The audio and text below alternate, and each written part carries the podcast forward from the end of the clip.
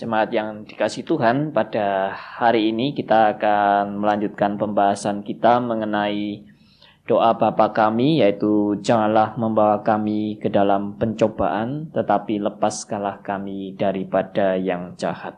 Kita melihat bahwa pencobaan yang dialami oleh Tuhan Yesus itu juga adalah kehendak Tuhan.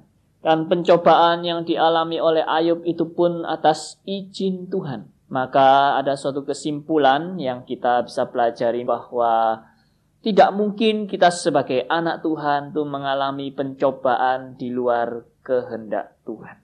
Kalau sampai iblis bekerja, iblis harus melalui Tuhan. Karena iblis tidak mungkin bisa bekerja semau-maunya sendiri, seenaknya sendiri, tanpa izin daripada Tuhan. Seandainya iblis diberi kebebasan sebebas-bebasnya. Seandainya iblis mempunyai keinginan apa dia bisa melakukan semaunya sendiri. Maka dunia ini pasti sudah kacau balau. Saya berikan contoh saja misalnya sekarang ini di tempat ini iblis diberi kebebasan untuk bekerja semaunya sendiri. Wah pasti kebaktian ini sudah kacau balau saudara. Karena iblis tidak pernah ingin firman Tuhan diberitakan dengan baik. Dan mungkin kursi-kursi di tempat ini sudah digerak-gerakkan oleh iblis, dibolak-balik semua. Saya mungkin dicekik oleh iblis sehingga saya tidak bisa berbicara lagi. Kalau iblis diberi kebebasan sebebas-bebasnya. Tetapi saya percaya Allah yang Maha Kuasa adalah Allah yang melindungi anak-anaknya. Sehingga pada saat anak Allah itu dicobai oleh iblis, itu sudah pasti dengan seizin daripada Allah. Dan pelajaran yang kedua yang kita ambil dari minggu lalu adalah pencobaan yang datang dari iblis. Itu boleh diizinkan Allah tiba kepada anak-anak Tuhan dan akhirnya itu pun bisa diubahkan oleh Tuhan demi kebaikan bagi anak-anak Tuhan itu sendiri.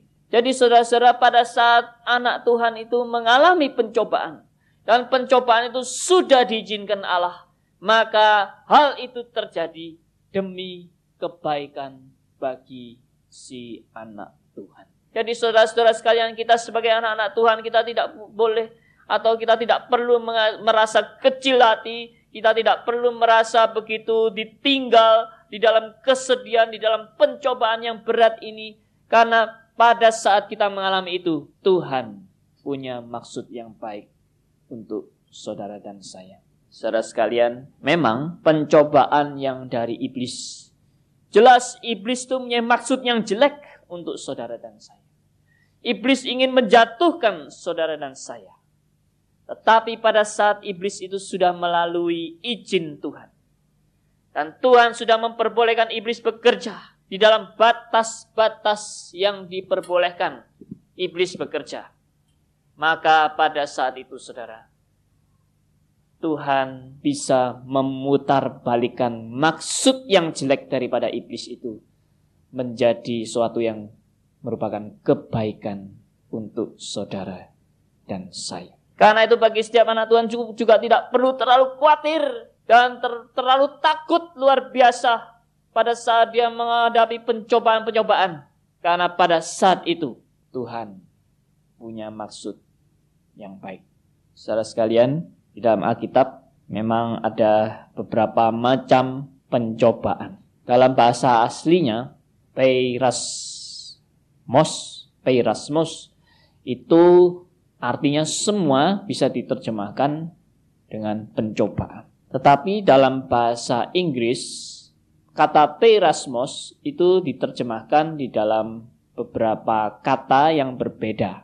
Jadi ada yang memakai kata temptation, ada yang memakai kata trial, ada yang memakai kata test. Ya. Jadi ada yang uh, kalau bahasa Indonesia mungkin ada yang dicobai, ada yang diuji. Dan pencobaan dan pengujian itu dianggap tidak sama. Tetapi dalam bahasa aslinya sebetulnya sama.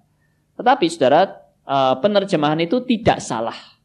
Karena penerjemahan ini bukan sekedar menerjemahkan kata tanpa melihat konteks, tanpa melihat makna kebenaran dari kata itu.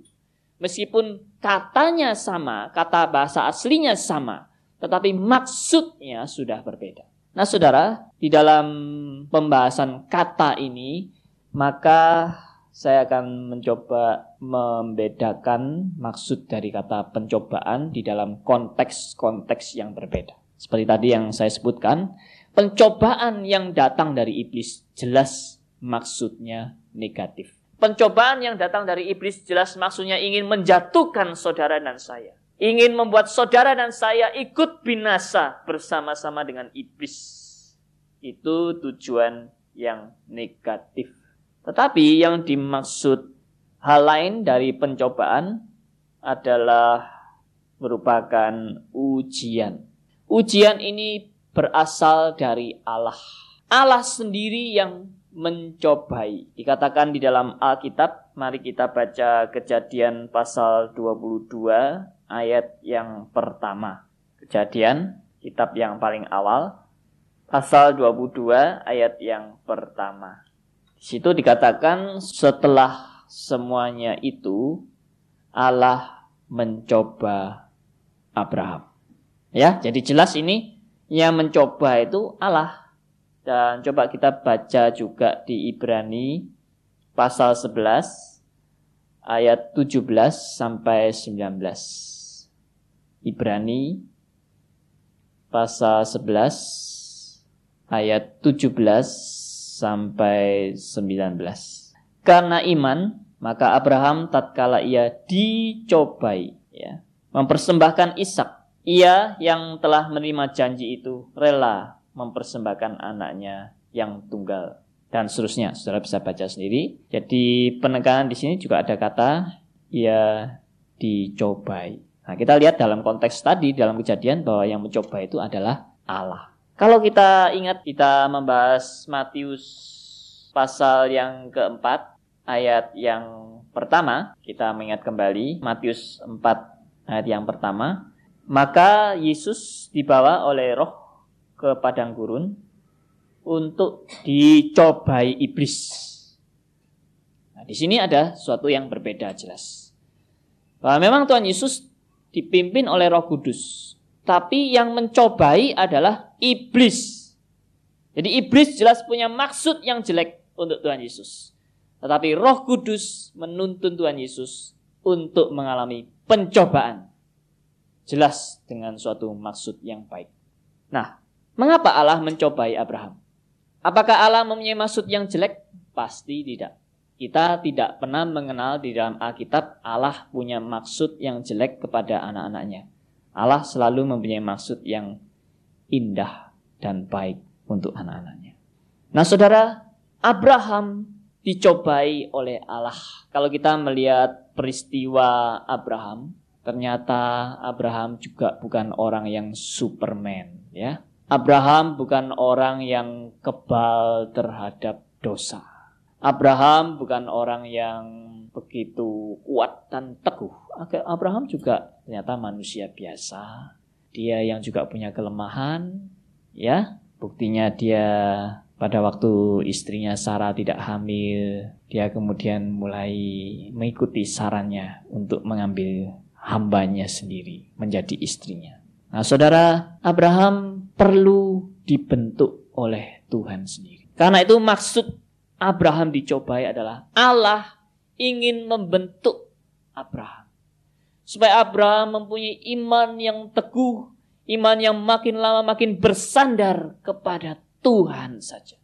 Iman yang percaya penuh kepada janji Allah.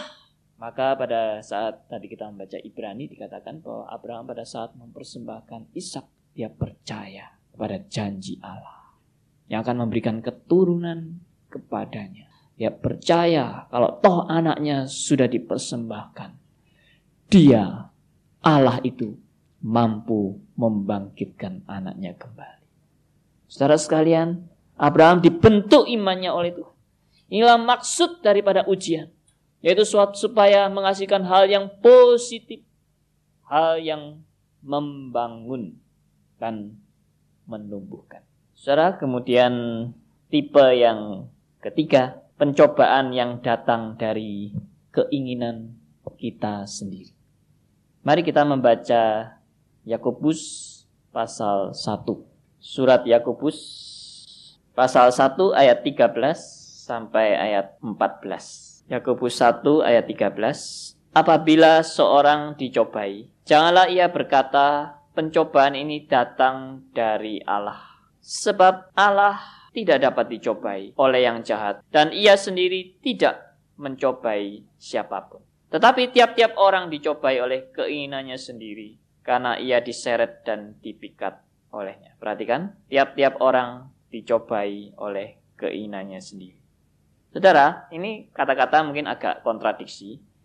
Karena di ayat 13 dikatakan bahwa sebab Allah tidak dapat dicobai oleh yang jahat dan ia sendiri tidak mencobai siapa pun. Nah, kita tadi lihat di kitab Kejadian kan Allah mencobai. Kenapa di kitab Yakobus dikatakan Allah tidak mencobai siapa pun? Nah, di sinilah perbedaan kata meskipun sama tetapi maksudnya lain.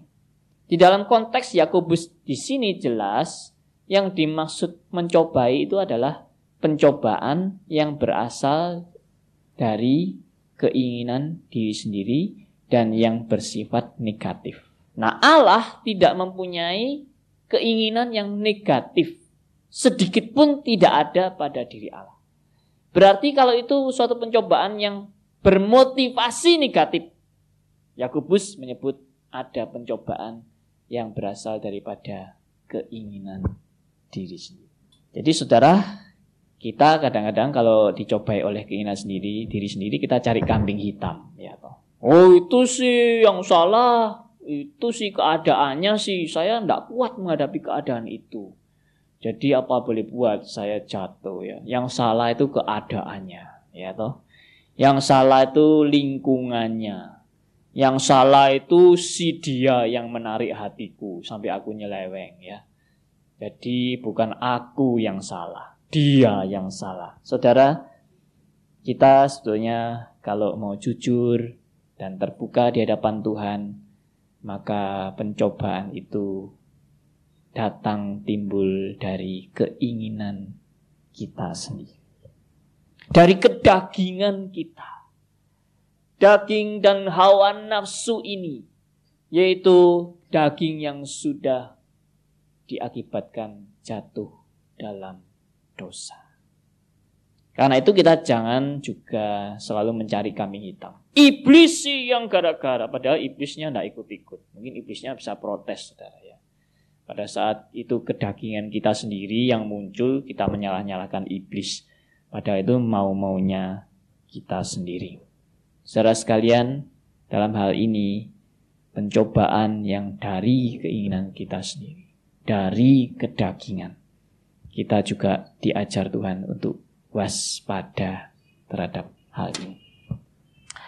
Mari kita lihat dalam Matius 26 ayat 41 ya. Saya mengajak saudara untuk sering buka Alkitab. Matius pasal 26 ayat yang ke-41. Berjaga-jagalah dan berdoalah supaya kamu jangan jatuh ke dalam pencobaan. Roh memang penurut, tetapi daging lemah.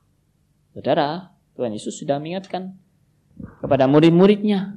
Kalau ada pencobaan yang munculnya itu dari penyebabnya dari kelemahan daging kita. Bagaimana cara mengatasi itu? Tuhan Yesus pun sudah memberikan jalan. Dikatakan di situ, berjaga-jagalah dan berdoa.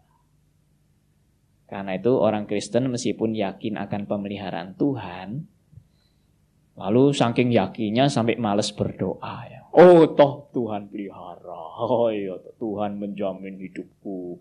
Lalu tidak pernah doa. Tidak pernah berjaga-jaga. Hidup seenaknya sendiri. Bermalas-malasan. Nah jatuh lu. Pada saat jatuh menyalahkan Tuhan. Oh Tuhan kok tidak pelihara saya. ya toh. Tuhan ini yang salah. Nah, ini kambing hitam terus ya. Padahal kita yang sudah dianjurkan Tuhan berjaga-jaga dan berdoa. Roh memang penurut. Roh itu selalu memang menuju kepada yang baik. Tapi daging ini, kita masih punya daging. Dan daging itu lemah. Saudara sekalian, Inilah macam-macam pencobaan. Pencobaan ada yang datang dari iblis, datang dari Allah, datang dari kedagingan kita. Tapi saudara, semua yang entah itu berasal dari iblis, entah itu berasal dari keinginan daging kita sendiri.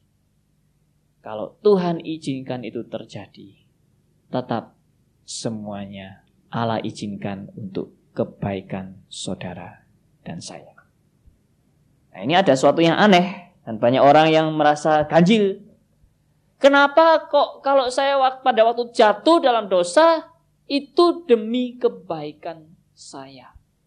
Ini banyak orang yang protes dan nggak terima. Orang jatuh dalam dosa kok demi kebaikan. Jatuh dalam dosa itu kan jelek. Sesuatu yang negatif. Sesuatu yang Tuhan tidak senang. Kenapa itu demi kebaikan? Saudara sekalian, kita coba pikir di balik pikiran kita. Seandainya. Seandainya ini ya. Seandainya ini sebenarnya tidak pernah terjadi. Seandainya saudara ini tidak pernah jatuh dalam dosa. Kira-kira saudara merasa gimana? Hah?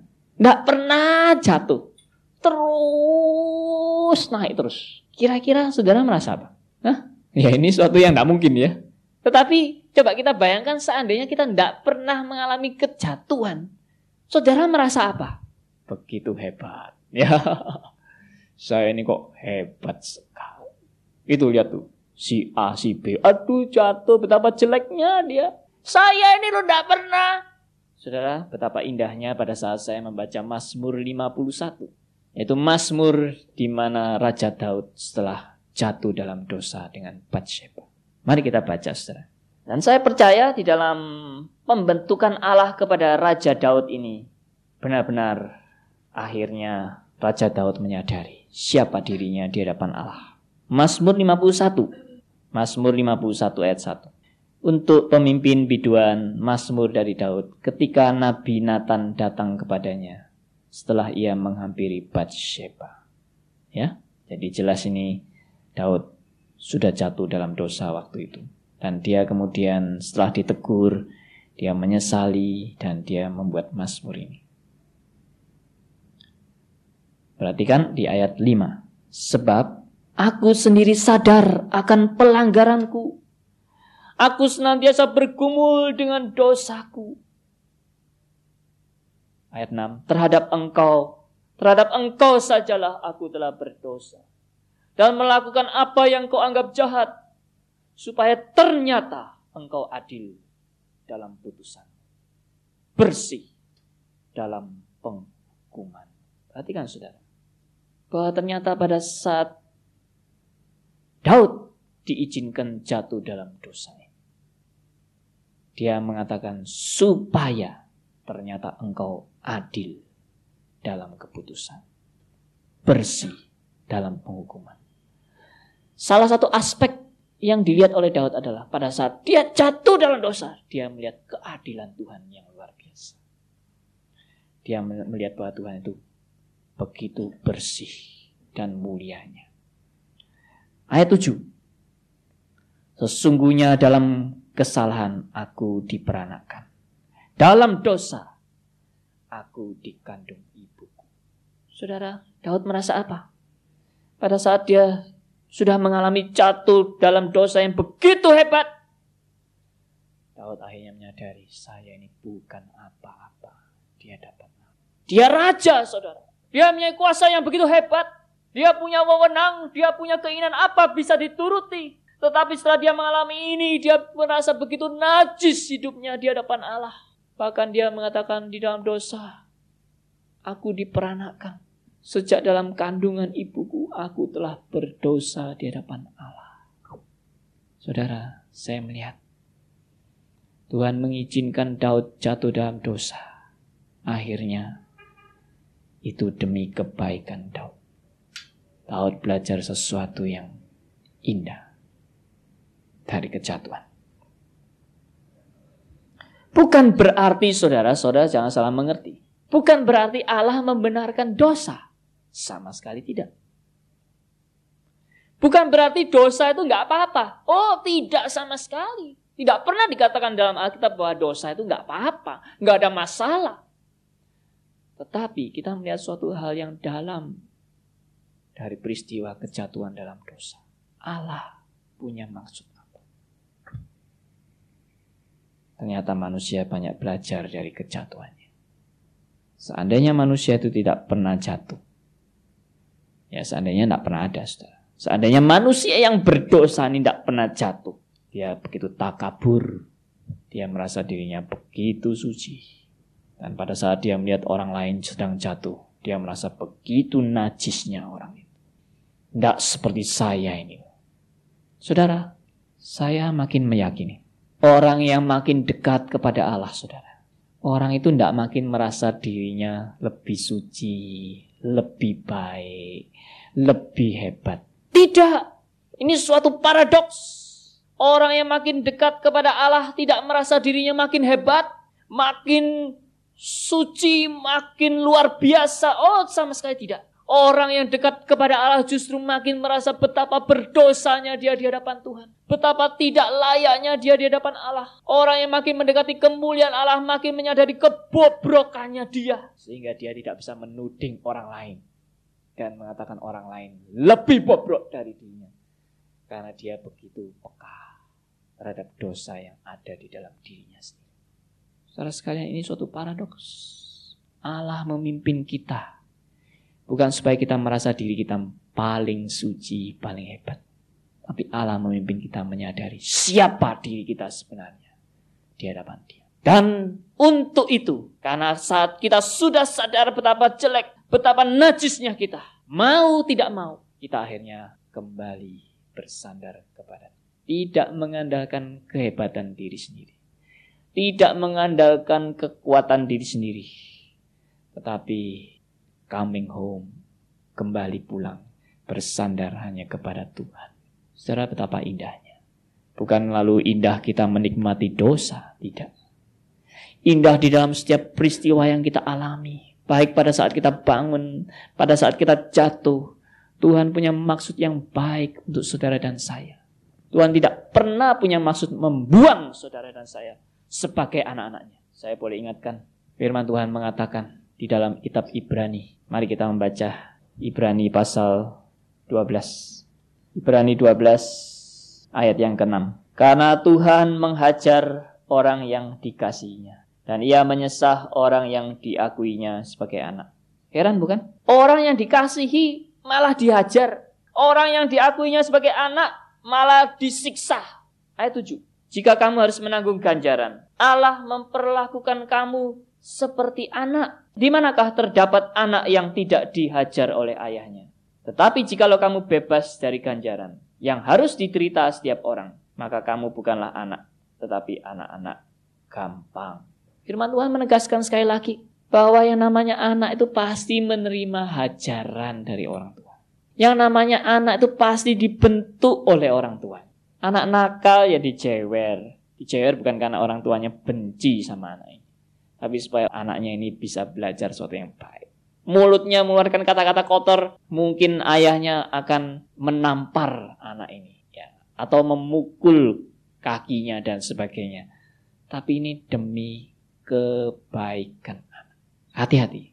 Memang jangan sampai orang tua punya rasa kebencian kepada anak atau menampar anaknya karena masalah harga diri. Ah, itu itu sudah suatu yang lain, Saudara. Banyak orang tua yang mendidik anaknya karena gengsi keluarganya. Wah, kamu ini anak pendeta ya. Jangan sampai mempermalukan ayahmu. Wah, gitu ya. Kata-kata anak ini memalukan sekali kepada orang tuanya. Saya tampar kamu habis-habisan. Wah, itu saudara. Itu pendidikan yang motivasinya sudah salah. Itu mendidik anak demi kepentingan harga diri, martabat si orang tua. Tapi kalau kita mengajar anak seorang ayah yang seharusnya adalah mengajar anak demi kebaikan anak. Supaya anaknya berubah menjadi orang yang lebih baik.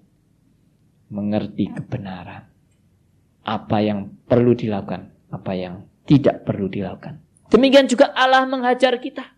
Kalau orang tua di dunia ini yang jahat saja tahu memberi pengajaran yang baik, apalagi Allah yang di surga Masa Allah nggak tahu caranya mendidik saudara dan saya? Pasti tahu. Saya begitu yakin pendidikan Allah begitu sempurna untuk saudara dan saya. Tidak meragukan. Karena itu saudara, pada saat kita mengalami, baik pada saat kita bangun, baik pada saat kita jatuh, tetap ingat kepada Tuhan. Soalnya orang itu kadang-kadang pada saat dia bangun, dia lupa Tuhan. Pada saat dia jatuh, dia baru teriak-teriak sama Tuhan. Betul kan? Tapi ada yang sebaliknya. Pada saat dia bangun, dia ingat Tuhan. Pada saat dia jatuh, dia menyangkal Tuhan. Ya, tetapi yang benar gimana? Baik jatuh, baik bangun, kita tetap ingat Tuhan. Tuhan tuh membentuk dalam kehidupan kita itu tidak hanya, oh saat ini saja kamu saya bentuk, setelah itu tak lepas, tak biarkan saja. Tuhan membentuk kita tuh setiap saat, di dalam setiap momen, di dalam setiap peristiwa. Allah sedang membentuk saudara dan saya. Karena itu saya bersyukur saya boleh membagikan hal ini kepada rekan-rekan mahasiswa mereka yang frustrasi karena kejatuhan mereka. Mereka yang merasa ditinggal oleh Tuhan pada saat mereka jatuh dalam dosa, saya mengatakan itu pengertian yang salah. Allah tidak pernah meninggalkan anaknya pada saat dia jatuh dalam dosa. Itu doktrin yang keliru. Dan Allah kalau mempunyai kebiasaan seperti itu yaitu meninggalkan setiap anak Tuhan pada saat dia jatuh dalam dosa, maka saya boleh katakan berarti tidak ada kesempatan lagi bagi setiap anak Tuhan yang jatuh dalam dosa untuk bertobat. Karena dia sudah ditinggal Tuhan. Karena apa saudara? Yang bisa menyadarkan saudara dan saya. Yang bisa menginsyafkan saudara dan saya. Yang bisa membuat saudara dan saya mau bertobat dan kembali kepada Tuhan itu pekerjaan siapa? Hanya pekerjaan roh kudus. Jadi, kalau saudara jatuh dalam dosa, roh kudus meninggalkan saudara. Habislah saudara. Karena tidak ada yang mengingatkan lagi. Tidak ada yang menginsyafkan lagi. Saudara tidak mungkin bisa insyaf dari diri saudara sendiri karena saudara adalah orang yang sudah di dalam keberdosaan. Roh Kudus selalu memimpin, mengingatkan, menyadarkan. Karena itu, mari kita baca di Yakobus pasal 1 tadi. Ada kata-kata yang aneh, tapi kata-kata aneh ini ternyata kebenaran.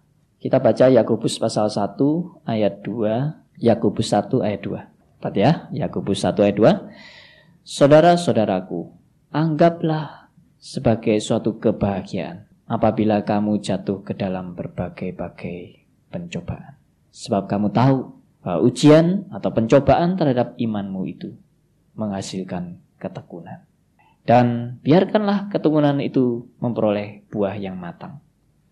Supaya kamu menjadi sempurna dan utuh dan tak kekurangan suatu apa pun. Saudara, berbahagialah. Kenapa? Karena kita menyadari justru pada saat kita mengalami pencobaan itu, Allah sedang membentuk saudara dan saya. Allah sedang mendidik saudara dan saya. Dan itu suatu anugerah. Saudara coba lihat orang Parisi dan ahli Taurat yang selalu mencari kesalahan Tuhan Yesus. Bagaimana sikap orang Parisi dan ahli Taurat ini? Selalu merasa dirinya benar. Tidak pernah salah, dan sebaliknya dia selalu cari kesalahan orang lain. Iya loh. Itu cirinya. Orang ahli Taurat dan orang Parisi. Selalu menganggap dirinya benar. Dan selalu mencari kesalahan orang lain. Dia merasa dirinya begitu suci, begitu bersih, begitu rohani dia itu. Sedangkan orang lain begitu najis, begitu menjijikkan. Mereka membawa perempuan yang kedapatan berzina di hadapan Tuhan Yesus. Wah, menjijikkan sekali orang ini. Dan mereka merasa begitu rohani sekali. Kenapa ya? Menurut saudara kenapa orang Parisi dan ahli Torah seperti itu? Saya melihat kemungkinan salah satu sebab yang jelas ini adalah pemikiran yang mendasar saudara. Adalah karena ahli Torah dan orang Parisi ini tidak pernah menerima hajaran dari Tuhan. Atau kalau mereka menerima hajaran itu mereka menangkapnya secara keliru. Sehingga tidak bisa menghasilkan kesadaran yang benar tentang siapakah manusia di hadapan Allah yang begitu tidak layak dan hinanya. Selalu membeda-bedakan. Oh ini orang golongan najis. Oh ini orang golongan lumayan. Kalau pilih mantu ya pilih-pilih ya loh. Oh ini najis anakku. Kamu tidak boleh ya punya suami atau istri model begini yang najis-najis. Kamu tak pilihkan yang bermutu tinggi. Saudara sekalian, kadangkala kita sudah lupa Kita ini sama-sama manusia yang berdosa. Kita ini sama-sama manusia yang munafik. Kita ini sama-sama manusia yang najis di hadapan Allah. Berhati-hatilah pada saat saudara sudah mulai jatuh pada menghakimi orang lain. Itu kedagingan kita. Saya kalau mau memperingatkan saudara, itu juga peringatan bagi saya. Saya pun sebagai manusia bisa jatuh di dalam menghakimi orang lain. Merasa saya lebih rohani dari orang lain. Oh Tuhan, ampunilah aku pada saat kita mulai menghakimi seperti itu. Saudara, biarlah kita boleh bersyukur karena memahami pencobaan yang benar. Biarlah saudara-saudara yang menghadapi sedang menghadapi pencobaan, saudara tidak takut, saudara tidak merasa sendiri karena Tuhan tetap menyertai saudara. Tuhan tetap mendampingi saudara. Tuhan tetap punya maksud yang baik untuk saudara. Amin.